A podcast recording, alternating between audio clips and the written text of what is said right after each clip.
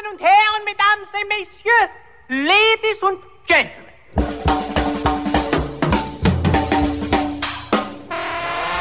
Izobraževalno-glasbeni variate. Zofijini ljubimci.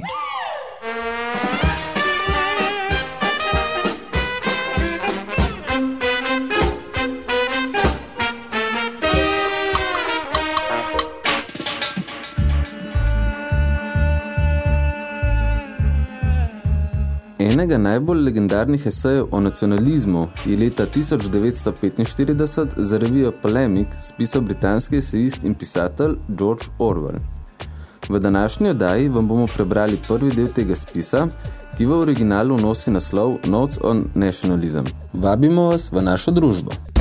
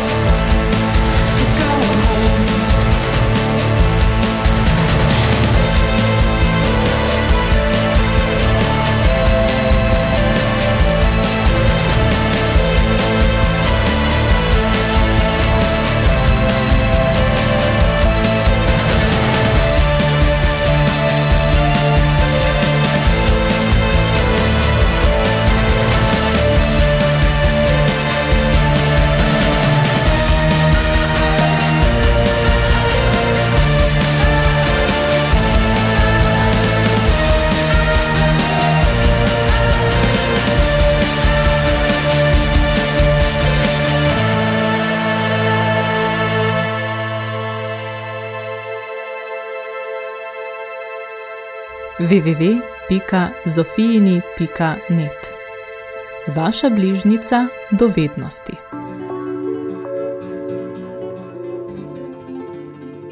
Zapiski o nacionalizmu.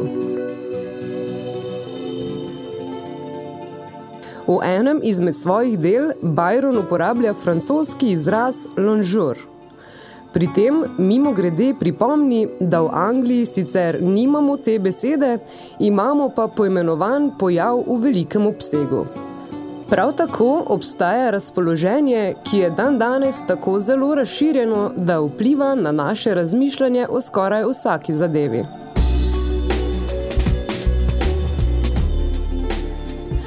Vendar pa zato še nimamo poimenovanja. Kot najbližji obstoječi enakovreden izraz sem izbral izraz nacionalizem. Toda kmalu boste videli, da ga ne uporabljam v pravem pomenu, zato, ker se čustvo, o katerem govorim, ne navezuje vedno na to, kar imenujemo narod. To se pravi, na posamezno raso ali geografsko področje. Lahko se navezuje na cerkev ali razred, ali pa lahko samo negativno učinkuje proti temu ali onemu in brez potrebe po neki pozitivni lojalnosti.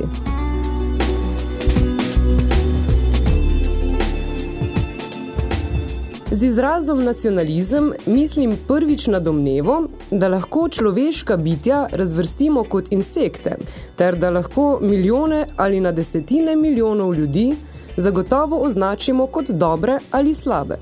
Drugič, kar je veliko pomembneje, s tem izrazom mislim na identificiranje samega sebe s posameznim narodom ali kakšno drugo enoto, ki jo postavlja nad dobro in zlo, ter ne priznava nobene druge dolžnosti kot služenje njenim interesom.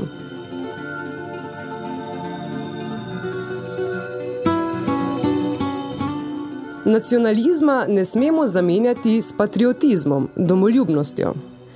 Običajno obe besedi uporabljamo v tako nejasnem obsegu, da lahko oporekamo vsaki definiciji, vendar moramo med njima potegniti mejo, saj sta vključeni dve različni in celo nasprotujoči si ideji. Z izrazom patriotizem imenujemo predanost posameznemu prostoru in posameznemu načinu življenja, ki jo posameznik sprejema kot najboljša na svetu, a ju ne želi usiljevati drugim ljudem. Patriotizem je po svoji naravi obramben, tako vojaško kot tudi kulturno. Na drugi strani pa je nacionalizem neločljiv za željo pomoči. Stalen cilj vsakega nacionalista je zagotoviti več moči in več prestiža, vendar ne za samega, ampak za narod oziroma kako drugo enoto, v kateri ne izpostavlja svoje individualnosti. Dokler uporabljamo izraz le za bolj razpita in poznana nacionalistična gibanja v Nemčiji, na Japonskem in v drugih državah, je vse to dovolj jasno. Če pojav primerjamo s fenomenom, kot je nacizem, ki ga lahko opazujemo od zunaj, bi večina od nas povedala zelo podobne stvari.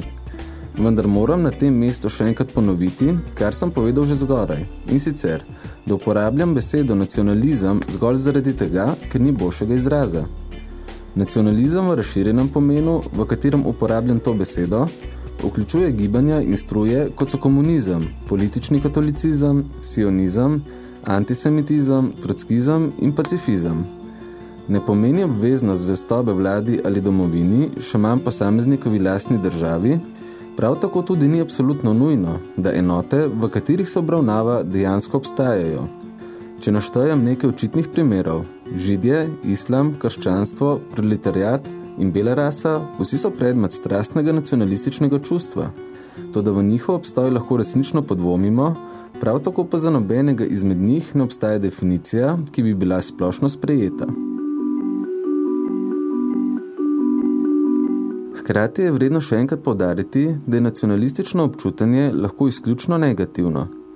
Obstajajo na primer pripadniki trockizma, ki so preprosto postali sovražniki zveze sovjetskih socialističnih republik, ne da bi ob tem postali zvesti katerikoli drugi enoti. Ko posameznik dojame globi pomen tega, mu postane lastnost tega, kar imenujem nacionalizem, precej bolj razumljiva. Nacionalist je tisti, ki misli izključno ali vsaj v glavnem v terminih tekmovalnega prestiža. Lahko je pozitiven ali negativen nacionalist, kar pomeni, da lahko uporablja svojo umsko energijo bodi si pri preuveličevanju ali klevetanju. To, da v vsakem primeru se njegove misli usmerijo na zmage, poraze, zmagoslavja in ponižanja. Zgodovino, še posebej sodobno, vidi kot nenehno uspenjanje in propadanje velikih, močnih enot, vsak dogodek, ki se zgodi, se mu zdi dokaz, da je njegova stran v sponu in da nek sovražnik propada. To, da ne nazadnje je pomembno, da ne zamenjamo nacionalizma z golim češčenjem uspeha. Nacionalist se navede po principu druženja z najmočnejšo stranjo. Nasprotno, ker je izbral svojo stran, sam sebe prepričuje, da je ta najmočnejša in je zmožen ohraniti takšno prepričanje, tudi ko so dejstva striktno proti njemu. Nacionalizem je hrepenenje pomoči s pomočjo samo iluzije. Vsak nacionalist je sposoben najbolj sramotne prevare, vendar je prav tako neomajno prepričan v svoj prav, ker se zaveda, da služi nečemu večjemu, kot je on sam. Zofijini ljubimci.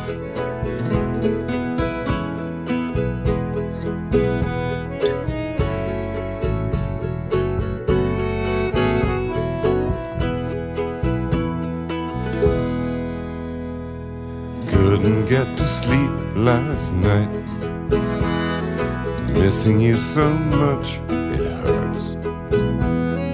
Missing your company, all the things you mean to me, girl.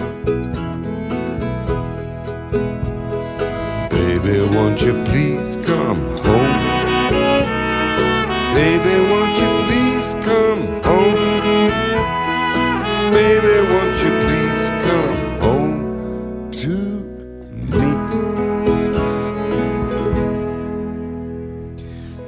have very much to say. Never was so good with words. It's only that I'm missing you, wishing I was kissing you now. Baby, won't you please come home? Baby, won't you please come home? Baby, won't you please come home to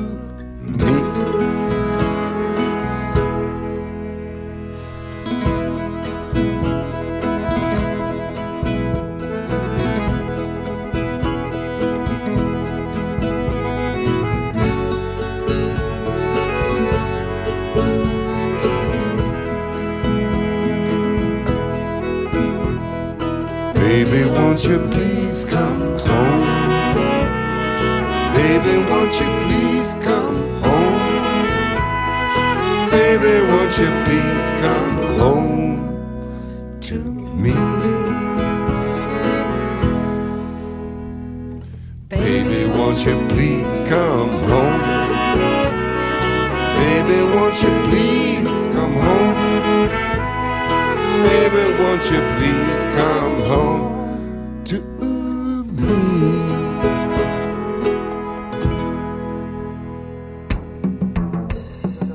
Zofijini ljubimci.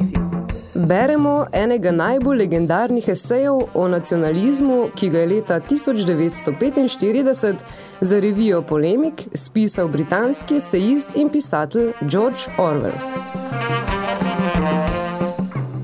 Sedaj, ko sem podal to dolgovezno definicijo, mislim, da boste priznali, da je razpoloženje, o katerem govorim, močno razširjeno med angleškimi intelektualci, bolj med njimi kot med ostalo množico ljudi. Za tiste, ki jim je iskreno do sodobne politike, so nekatere teme postale tako prežete s prestižem, da je pristno razumski pristop do njih skoraj nemogoč. Izmed stotine primerov, ki jih lahko posameznik izbere, vzemite to vprašanje. Katera izmed treh velikih zaveznic, Sovjetska zveza, Britanija in ZDA, je največ pripomogla k porazu Nemčije? Teoretično bi moralo biti mogoče podati utemeljen in morda tudi dokončen odgovor na to vprašanje. V praksi pa ni možno pretehtati vseh potrebnih kalkulacij, saj bi vsakdo, ki bi si belil glavo s tem, to vprašanje zagotovo razumel kot tekmovalen prestiž.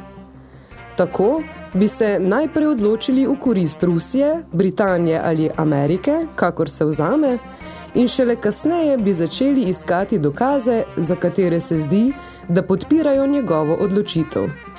In tu je še cel niz podobnih vprašanj, na katere lahko dobiš pošten odgovor samo od tistega, ki je do teme neopredeljen in čigar mnenje o tem je najverjetneje nepomembno. Iz tega deloma sledi izreden neuspeh našega časa pri političnih in vojaških napovedih. Nenavadno je, da izmed vseh strokovnjakov iz vseh šol ni bilo niti enega, ki bi bil zmožen predvideti tako verjeten dogodek, kot je rusko-nemški dogovor leta 1939. In ko so se novice o sporazumu razširile, so podali najbolj nepremišljene in različne razlage ter napovedi, ki so bile skoraj nemudoma dokazane kot neresnične. Skoraj v vseh primerih niso temeljile na znanstvenem proučevanju verjetnosti, ampak na želi, da bi predstavili Sovjetsko zvezo kot dobro ali slabo, močno ali šibko. Politični ali vojaški poročevalci, tako kot astrologi, lahko preživijo skoraj vsako napako, saj njihovi bolj predani privrženci v njih ne iščejo ocene dejstev, ampak spodbudo nacionalistične zvestobe. Estetske sodbe, še posebej književne sodbe, so pogosto pokvarjene na enak način kot politične. Indijski nacionalist bi težko užival v branju Kiplinga, konzervativec bi težko videl vrednost v Majakovskem. Vedno obstaja skušnjava, da bi trdili, da je tista knjiga, s katere namenom se bralec ne strinja, slaba knjiga, gledano iz literarnega vidika. Ljudje z močnim nacionalističnim pogledom pogosto počnejo prav to, ne da bi se zavedali nepoštenosti. Če upoštevamo število upletenih ljudi, je v Angliji najverjetneje prevladujoča oblika nacionalizma starokopitan britanski šovinizem. Nedvomno je še vedno zelo razširjen in celo veliko bolj, kot bi večina opazovalcev nekaj let nazaj verjela. Vendar pa se bom v tem esaju posvetil predvsem reakcijam intelektualcev, med katerimi sta šovinizem in celo patriotizem stare vrste skoraj da že mrtva, čeprav se zdi, da se ponovno pojavlja pri manjšini. Pravzaprav ni potrebe poudarjati, da je med intelektualci dominantna oblika nacionalizma komunizem. Pri tem uporabljam to besedo v zelo ohlapnem pomenu in vam prištevam ne samo člane komunistične partije, temveč tudi politične simpatizerje in rusofile nasplošno. Za moj namen je komunist tisti, ki ima Sovjetsko zvezo za svojo domovino in misli, da je njegova dožnost, da za vsako ceno zagovarja rusko politiko ter pospešuje ruske interese. Očitno dan danes mrgoli tašnih ljudi v Angliji, njihov posreden in neposreden vpliv je zelo velik, vendar pa se krepijo tudi druge oblike nacionalizma. Najboljši pogled v stvari lahko posameznik dobi z upoštevanjem podobnosti med različnimi in celo navidezno nasprotnimi idejnimi tokovi. When I came up from out of the meat locker,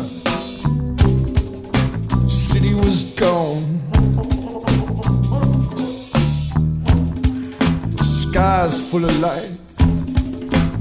The snow provides a silent cover in moonlight under the stars, under the snow. And I follow this car.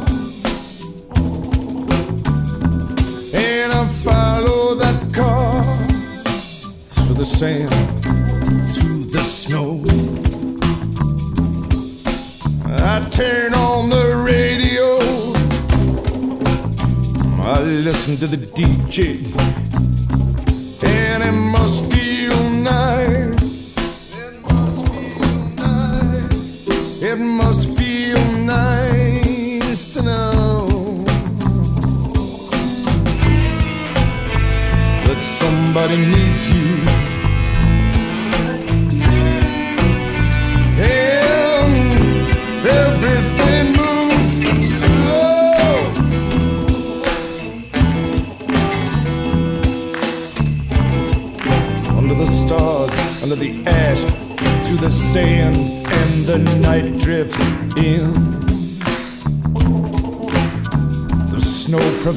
Provides a silent cover.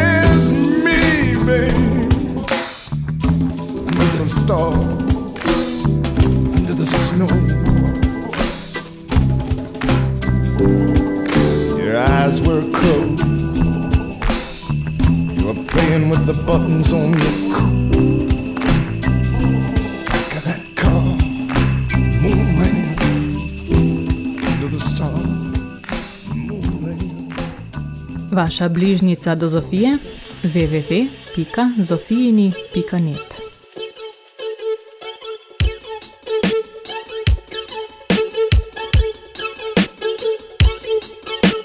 Pred desetimi oziroma dvajsetimi leti je bil politični katolicizem oblika nacionalizma, ki je bil v največji meri podoben današnjemu komunizmu. Njegov najbolj izrazit razlagalec, čeprav je bil prej ekstremni kot pa običajni primer, je bil Gilbert Keith Chesterton. Chesterton je bil nadvse talentiran pisatelj, ki je v imenu rimsko-katoliške propagande zatrl svojo rahločutnost in razumsko poštenost. V zadnjih 20 letih življenja je njegovo celotno delo v resnici predstavljalo neskončno ponavljanje ene in iste stvari. Tipičen primer je njegovo delo Great is Anna of the Ephesians.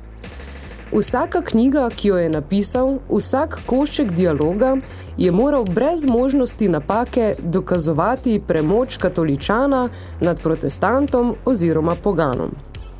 Toda Chesterton ni bil pripravljen razmišljati o tej premoči kot zgolj o intelektualni oziroma duhovni. Moralo je biti preneseno v besede nacionalnega ogleda in vojaške moči, kar je sprožilo neutemeljeno idealizacijo romanskih držav, še posebej Francije. Chesterton ni dolgo živel v Franciji in njegova slika Francije, kot dežele katoliških kmetov, ki ob kozarcih rdečega vina nenehno pojejo državno himno, ima prav toliko skupnega z resničnostjo, kot ima glasbena komedija Chu Chin Chow, skupnega z vsakdanjim življenjem v Bagdadu. S tem je potekala ne samo nezaslišana precenitev francoske vojaške moči, trdil je, da je pred in po obdobju med letoma 1914 in 1918 bila Francija avtomatično močnejša kot Nemčija, ampak je tudi nesmiselno in splošno poveličeval dejanski potek vojne. Zaradi njegovih borbenih pesmi, kot sta na primer Lepanto ali The Ballet of St. Barbara, se Church of the Light Brigade bere kot pacifistični traktat. To so morda najbolj ceneni drobci puhlega besedovanja, ki jih lahko najdemo v našem jeziku. Zanimivo pa je, da bi bil on prvi, ki bi se posmehoval, če bi takšne romantične neumnosti, kot jih je pisal o Franciji in francoski vojski, pisal nekdo drug o Britaniji in britanski vojski. V domači politiki je bil nasprotnik britanskega imperija, resnični sovražnik šovinizma in imperializma in glede na svoje sposobnosti resnični zagovornik demokracije. Še vedno pa se je lahko, kadar je gledal navzven v mednarodno področje, odrekel svojim načelom, ne da bi se sploh zavedal, da to počne. Tako ga njegovo že skoraj mistično prepričevanje v vrline demokracije ni uviralo pri tem, da ne bi občudoval Mussolinija. Mussolini je uničil parlamentarno vladavino in svobodo tiska, za katero se je Chesterton tako močno boril doma. Toda Mussolini je bil Italijan, Italijo je naredil močno in to je pomirilo zadevo. Chesterton tudi ni našel prave besede, ki bi jo izrekel o imperializmu in podjarmljanju temnopolte rase, ko so to izvajali italijani ali francozi. Njegovo ustrajanje pri realnosti, njegov književni vkus in do neke mere celo njegov moralni čut so bili odrinjeni v trenutku, ko je šlo za njegove nacionalistične predanosti. Očitno obstajajo pomembne podobnosti med političnim katolicizmom, kot ga je ponazoril Chesterton, in komunizmom. Podobnosti so tudi med bodisi katero izmed teh dveh in na primer škotskim nacionalizmom, sionizmom, antisemitizmom ali trotskizmom. Bilo bi preveč poenostavljeno reči, da so vse oblike nacionalizma enake tudi v njihovem miselnem okolju, to da obstajajo določena pravila, ki veljajo v vseh primerih. Osnovne značilnosti nacionalistične ideje so sledeče. Obsedenost. Brez dvoma, noben nacionalist nikoli ne misli, govori ali piše o čemarkoli drugem, razen o premoči njegove lastne enote moči. Težko je, če ne celo nemogoče, da bi nacionalist zatejil svojo vdanost. Ne manjše obrekovanje njegove enote ali nakazana hvala konkurenčne organizacije ga nasiti z neugodjem, ki se lahko razbremeni samo z ostrim odgovorom. Če je izbrana enota neka dejanska država, kot je na primer Irska ali Indija, bo navadno teril njeno premoč ne le v vojaški sili in političnih krepostih, ampak tudi v umetnosti, literaturi, športu, strukturi jezika, fizični lepoti prebivalcev in morda celo v podnebju, pokrajini in kuhanju.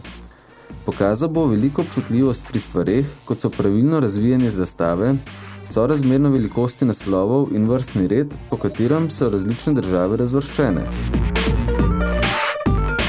Izraze ima pomembno vlogo v nacionalistični ideji. Države, ki so si priborile svojo neodvisnost oziroma so prebrodile nacionalistično revolucijo, običajno spremenijo svoje imena.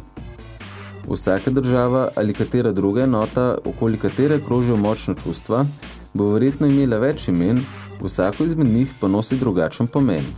Dve strani v španski državljanski vojni ste imeli po devet ali deset imen, ki so izražale različne stopnje ljubezni in sovraštva. Nekatera izmed teh imen so iskreno povedano kar samo porajala različna vprašanja in ni bilo niti enega samega imena, za katerega uporabo bi se tekmicama uspelo dogovoriti. Vsi nacionalisti smatrajo za dožnost, da širijo svoj jezik na škodo drugega jezika in med angleško govorečimi se ta boj pojavlja v subtilni formi kot boj med dialekti. Anglofonski američan bo recimo zavrnil uporabo slengovske fraze, če bo vedel, da ima britanske korenine. Podobno ima konflikt med latinisti in germanisti v ozadju pogosto nacionalistične motive.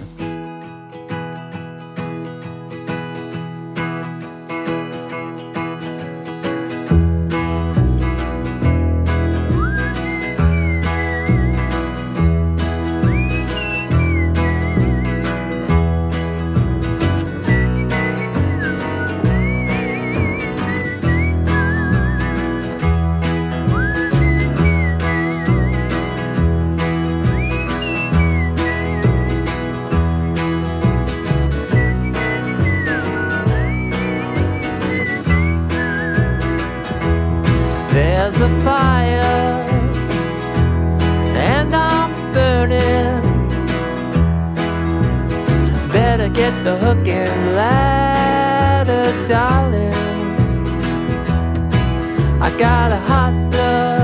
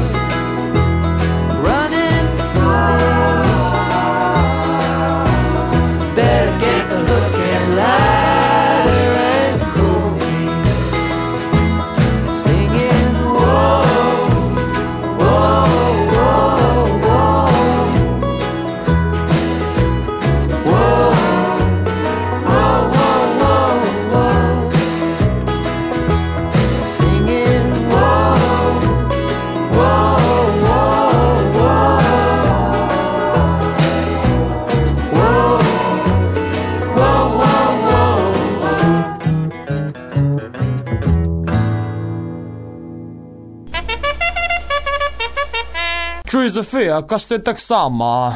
Ja, pa če ne vem, kje so moji ljubimci.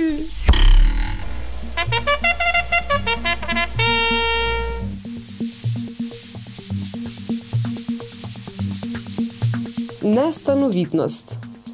Intenzivnost, ki nacionalističnim zvestobam omogoča obstoj, ne prepričuje, da bi le te bile prenosljive. Kot sem že nakazal, se lahko in tudi pogosto se držijo nekih tujih držav. Povsem preprosto lahko ugotovimo, da veliki državni voditelji ali ustanovitelji nacionalističnih gibanj sploh ne pripadajo državi, ki so jo poveličevali. Včasih so popolni tujci, pogosteje pa prihajajo iz obrobnih področji, kjer je narodna zavest vprašljiva. Primeri so Stalin, Hitler, Napoleon, De Valera, Disraeli, Poincar, Beaverbrook. Vse nemško gibanje je delno ustvaril Anglež, Houston Chamberlain. Zadnjih 50 ali 100 let je bil premeščen nacionalizem splošen fenomen med literarnimi intelektualci. Pisatelj Falcadio Hearne ga je prenesel na Japonsko, Keril in mnogi drugi njegovi sodobniki v Nemčijo, v naših časih pa običajno v Rusijo. Posebno zanimivo dejstvo pa je, da je možen ponovni prenos nazaj. Država ali kakšna druga enota, ki so jo častili več let, lahko nenadoma postane zaničevanja vredna. Nek drug predmet naklonjenosti pa lahko prevzame njeno mesto praktično brez umestne dobe. V prvi različici dela Outline of History, ki ga je napisal angleški pisatelj Herbert George Wells, in v drugih njegovih delih iz tistega časa, lahko opazimo, da poveličuje Združene države skoraj tako objesno, kot komunisti danes poveličujejo Rusijo. Kljub temu se je v nekaj letih to nekritično občudovanje sprevrnilo v sovraštvo. Fanatičen komunist, ki se preobrne v nekaj tednih ali celo dnevih v prav tako fanatičnega pripadnika Trotskijevih idej, je običajen primer. Na celinski Evropi so fašistična gibanja pridobila nove privržence iz vrst komunistov in zelo verjetno je, da se bo v prihodnjih letih zgodil obraten proces. Tisto, kar pri nacionalistu ostane nespremenjeno je njegovo mišljenje. Predmet njegovih občuti je spremenljiv in je lahko navidezen. Toda za intelektualca ima prenos pomembno funkcijo, ki sem jo nakratko že omenil v povezavi s Chestertonom. Omogoča mu, da je veliko bolj nacionalističen, bolj vulgaren, nespodoben, bolj naiven, neumen, bolj hudoben in nepošten, kot pa bi bil v primeru svoje domovine ali katere koli druge enote, o kateri ima kaj znanja. Ko beremo nizkotne oziroma domišljave nesmisle, ki jo opisujejo recimo Stalina, Rdečo armado in tako dalje, in je delo precej izobraženih in senzitivnih ljudi, potem kmalu ugotovimo, da je to mogoče samo zato, ker je prišlo do neke vrste zmede. V družbah, kot je naša, je skoraj nenavadno, da bi bil nekdo, ki ga imenujemo izobraženec, globoko navezan na domovino. Javno mnenje, in to je del javnega mnenja, ki se ga ta kot izobraženec zaveda, mu tega tudi ne bo omogočalo. Večina ljudi, ki ga obkroža, je skeptičnih in nezadovoljnih in tako lahko privzame enak odnos ponarejenosti ali skrajne strahopetnosti. V tem primeru bo opustil obliko nacionalizma, ki mu je najbližja, ne da bi se približal pravemu internacionalističnemu pogledu na življenje. Še vedno pogreša domovino, zato je povsem naravno, da jo išče nekje zunaj.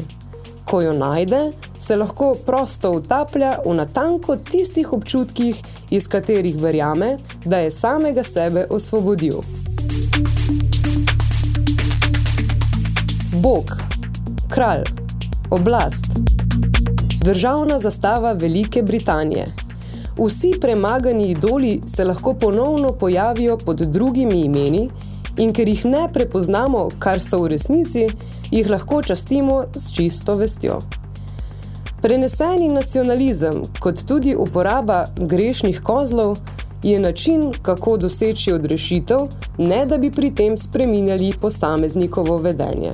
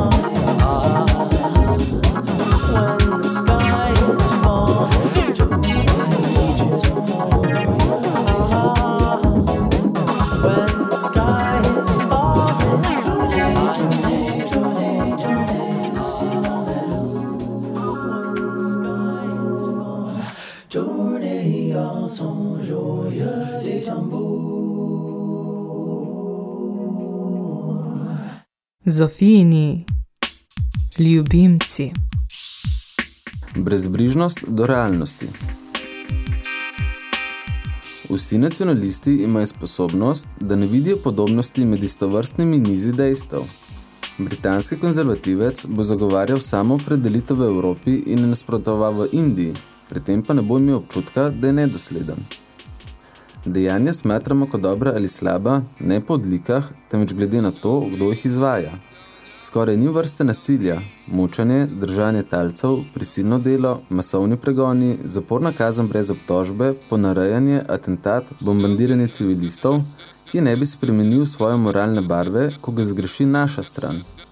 Liberalni časopis News Chronicle je kot primer šokantne sorovosti objavil fotografije Rusov, ki so jih obesili Nemci.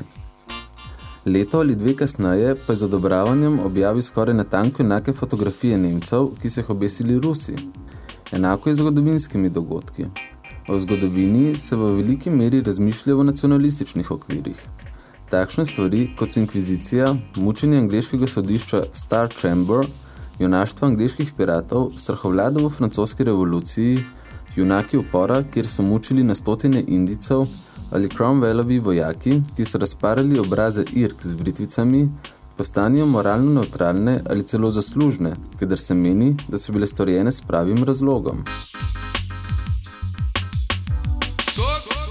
Če se oziramo nazaj na preteklo četrtino stoletja, lahko opazimo, da je bilo kome kakšno posamezno leto, ko niso poročali o krutih zgodbah iz posameznih delov sveta.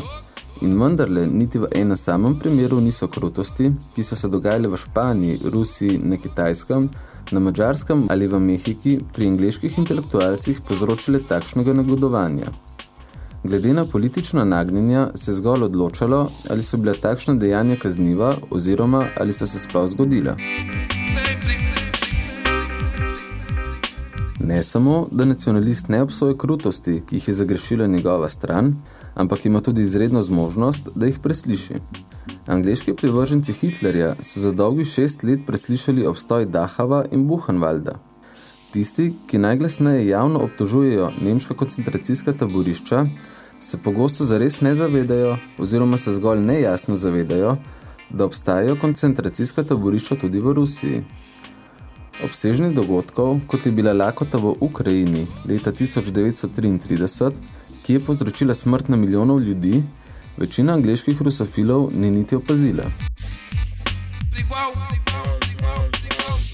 Veliko angleško govorečih ljudi ni slišalo skoraj ničesar o pokončanju nemških in polskih židov med vojno. Njihov antisemitizem je povzročil, da je ta ogromen zločin izginil iz njihove zavesti. V nacionalističnem mišljenju so dejstva, ki so tako resnična, kot tudi neresnična, znana in neznana. Znano dejstvo je lahko tako neznosno, da ga iz navade potisnejo na stran in ne dovolijo, da vstopi v logične procese. Na drugi strani pa lahko prodreva vsako preračunavanje in kljub temu celo v posameznikovi lastni zavesti ni sprejeto kot dejstvo. Moon River, wider than a mile.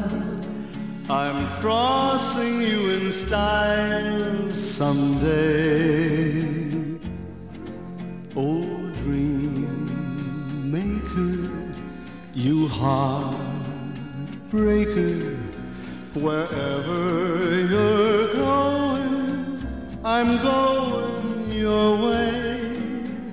Two drifters off to see the world. There's such a lot of world to see. We're after the same rainbows and waiting round the bend. My huckleberry friend, Moon River, and me.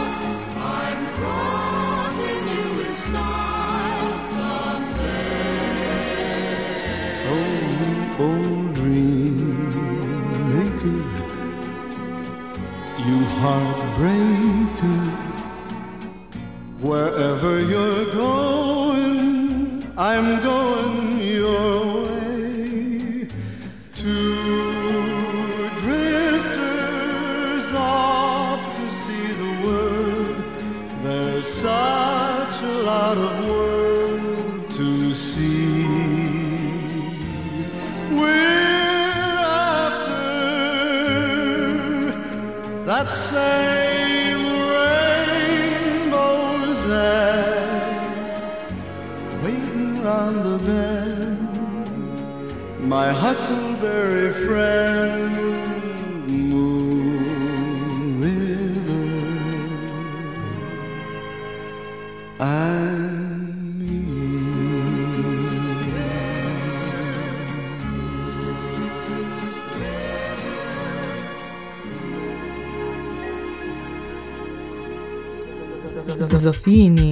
ljubimci.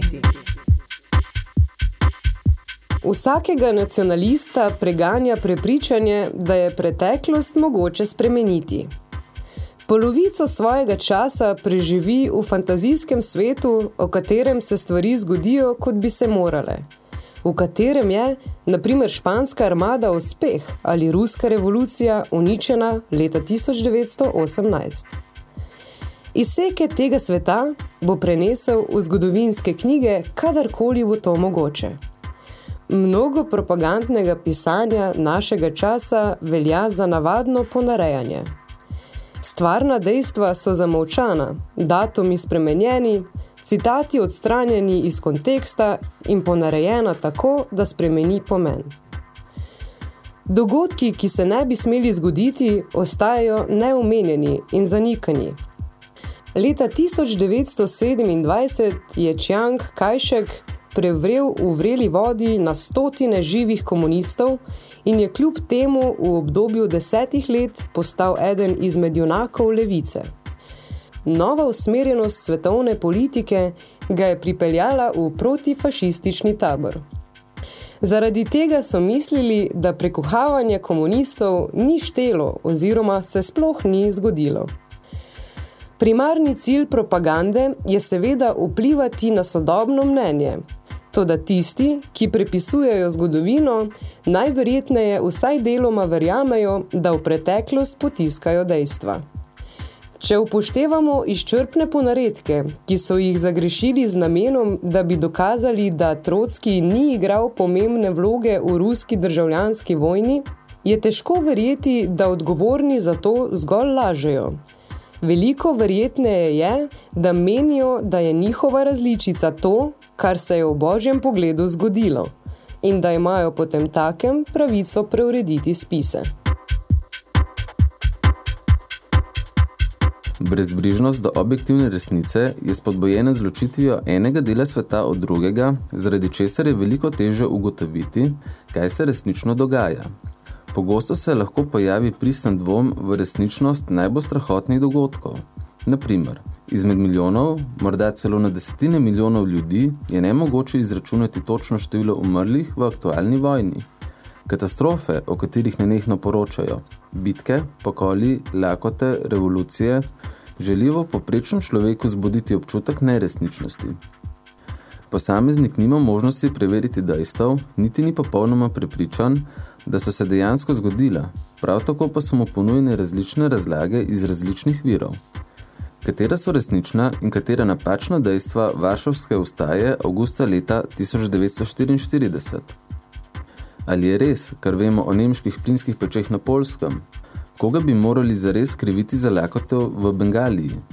Resnico je najverjetneje mogoče odkriti, vendar bodo dejstva v skoraj vsakem časopisu tako površno prikazana, da lahko povprečnemu bralcu oprostimo, bodi si, ker bo verjel lažem, ali ker se ne bo ustvaril svojega mnenja.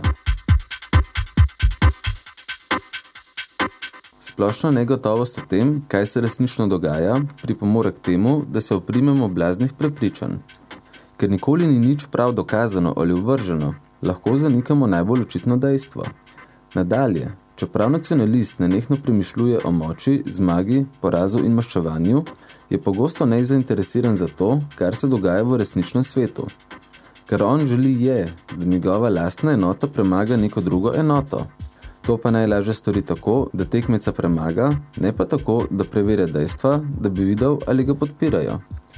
Vsa nacionalistična polemika je na ravni družbenega razpravljanja. Vedno je popolnoma nedoločljivo, saj vsak udeleženec verjame, da je on zmagal. Nekateri nacionalisti se ne razlikujejo kaj dosti od schizofrenikov, živijo srečno med sanjami o moči in zmagi, ki pa nimajo nobene povezave s fizičnim svetom. V okviru zmožnosti sem raziskal miselne navade, ki so skupne vsem oblikam nacionalizma. Naslednja stvar je razvrstitev teh oblik, česar pa očitno ni mogoče napraviti dovolj izčrpno. Nacionalizem je ogromen subjekt. Svet znamirajo naštete prevare, zablode in sovraštva, ki se med seboj križajo na zelo kompleksne načine. Nekatere najbolj osodne izmed njih še niso prodrle v evropsko zavest. V tem eseju se osredotočam na nacionalizem, kot se pojavlja med angliškimi intelektualci. Za razliko od povprečnih angležev, pri njih nacionalizem ni pomešan s patriotizmom in ga zato lahko preučujemo nepopačenega.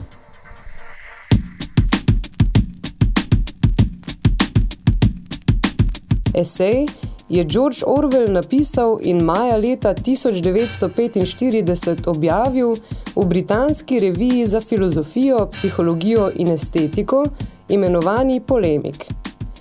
Besedilo je prevedla Irena Krošl. V originalu lahko tekst prebirate na matični spletni strani Georgea Orwella.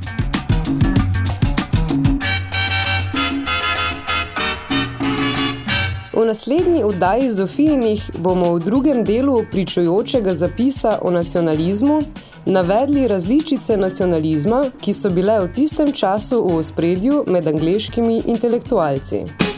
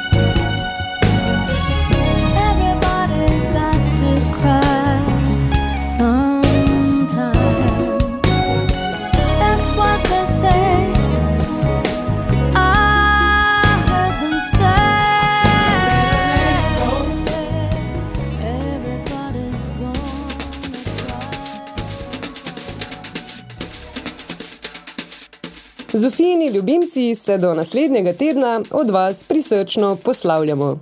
www.zafini.net Forum www.mislec.net E-mail zafini.afna.jahu.com Srečno! Meine Damen und Herren, Mesdames et Messieurs, Ladies und Gentlemen!